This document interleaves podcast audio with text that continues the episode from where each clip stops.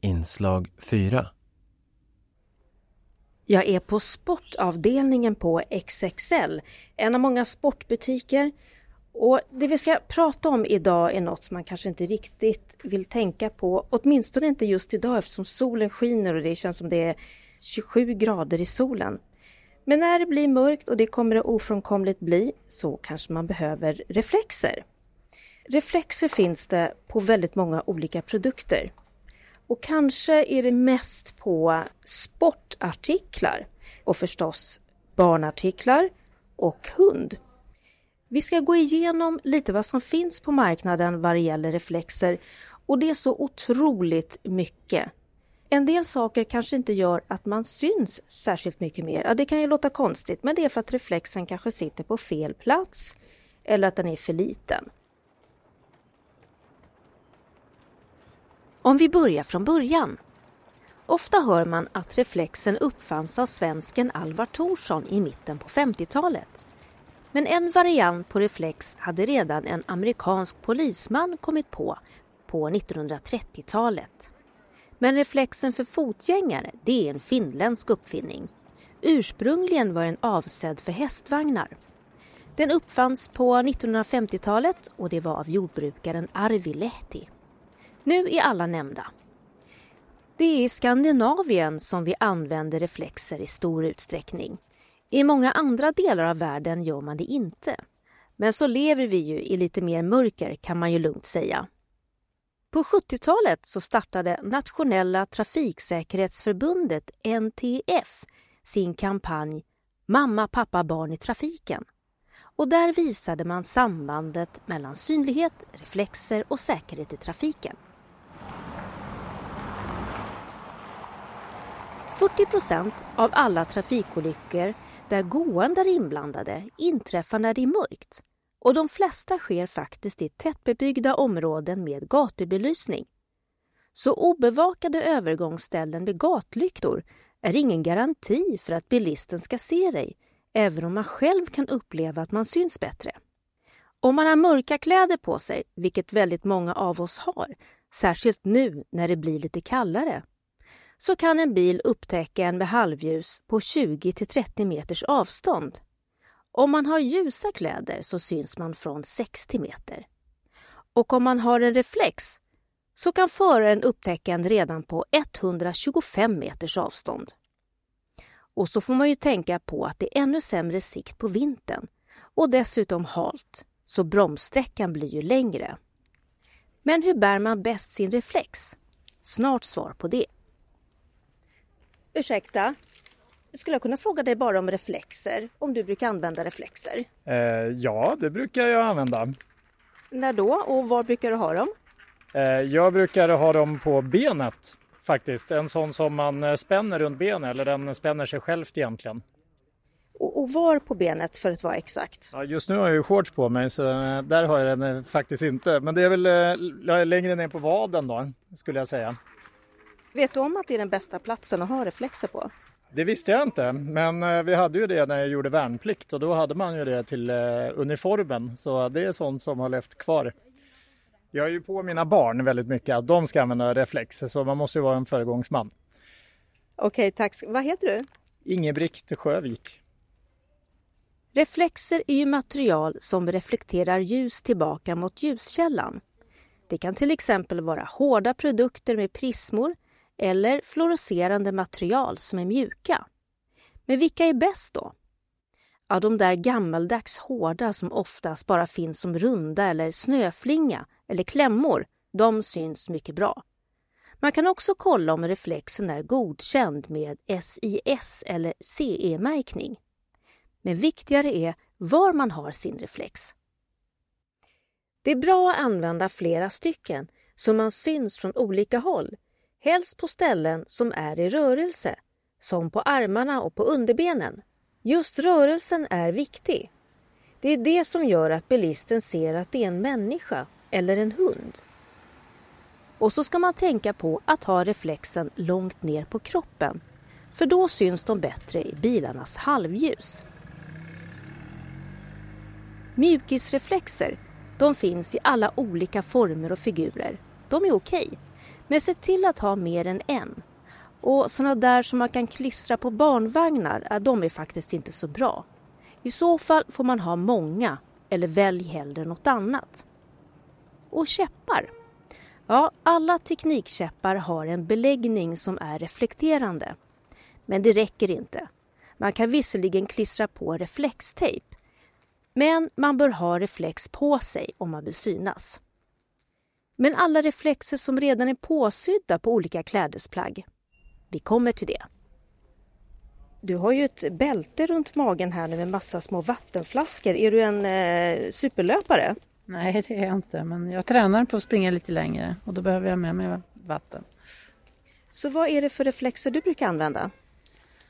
Jag brukar använda dels sådana som jag har en mössa med reflexer på. Jag har eh, vantar, reflexvantar som jag brukar ha på vintern och sen sådana där vanliga som hänger på lampan på kläderna.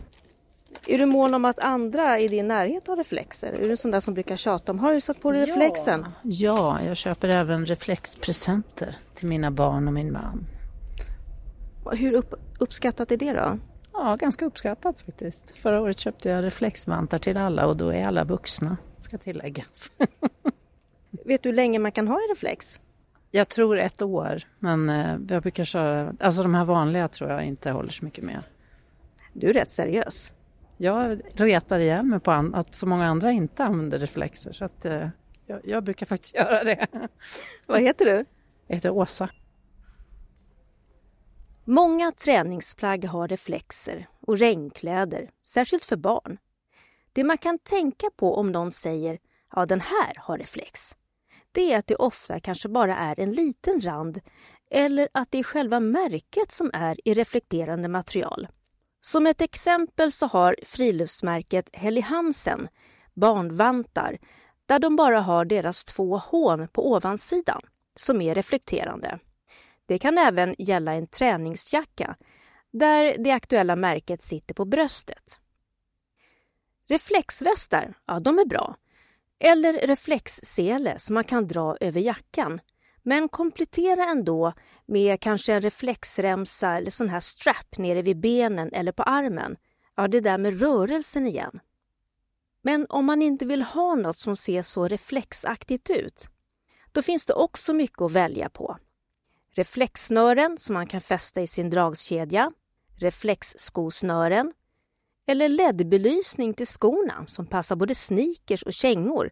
Det är som en tunn liten hästsko som man klämmer runt hälen på skon och då har de batterier i sig. Man kan både stryka och sy på reflexer. Här får man ta de som är lite bättre kvalitet. Det finns reflexbälten, stickade mössor och vantar som är gjorda i reflekterande garn. Det finns också webbshoppar som är specialiserade på reflexer och reflexaccessoarer. Det ska vara lite designade grejer. Till exempel en reflex scrunchie. Det är sån där tygklädd hårsnodd i reflexmaterial. Broscher i form av flerbladiga blommor. Mjuka reflextofsar finns både silver, guld, brons och roséguld som man kan fästa vid väskan.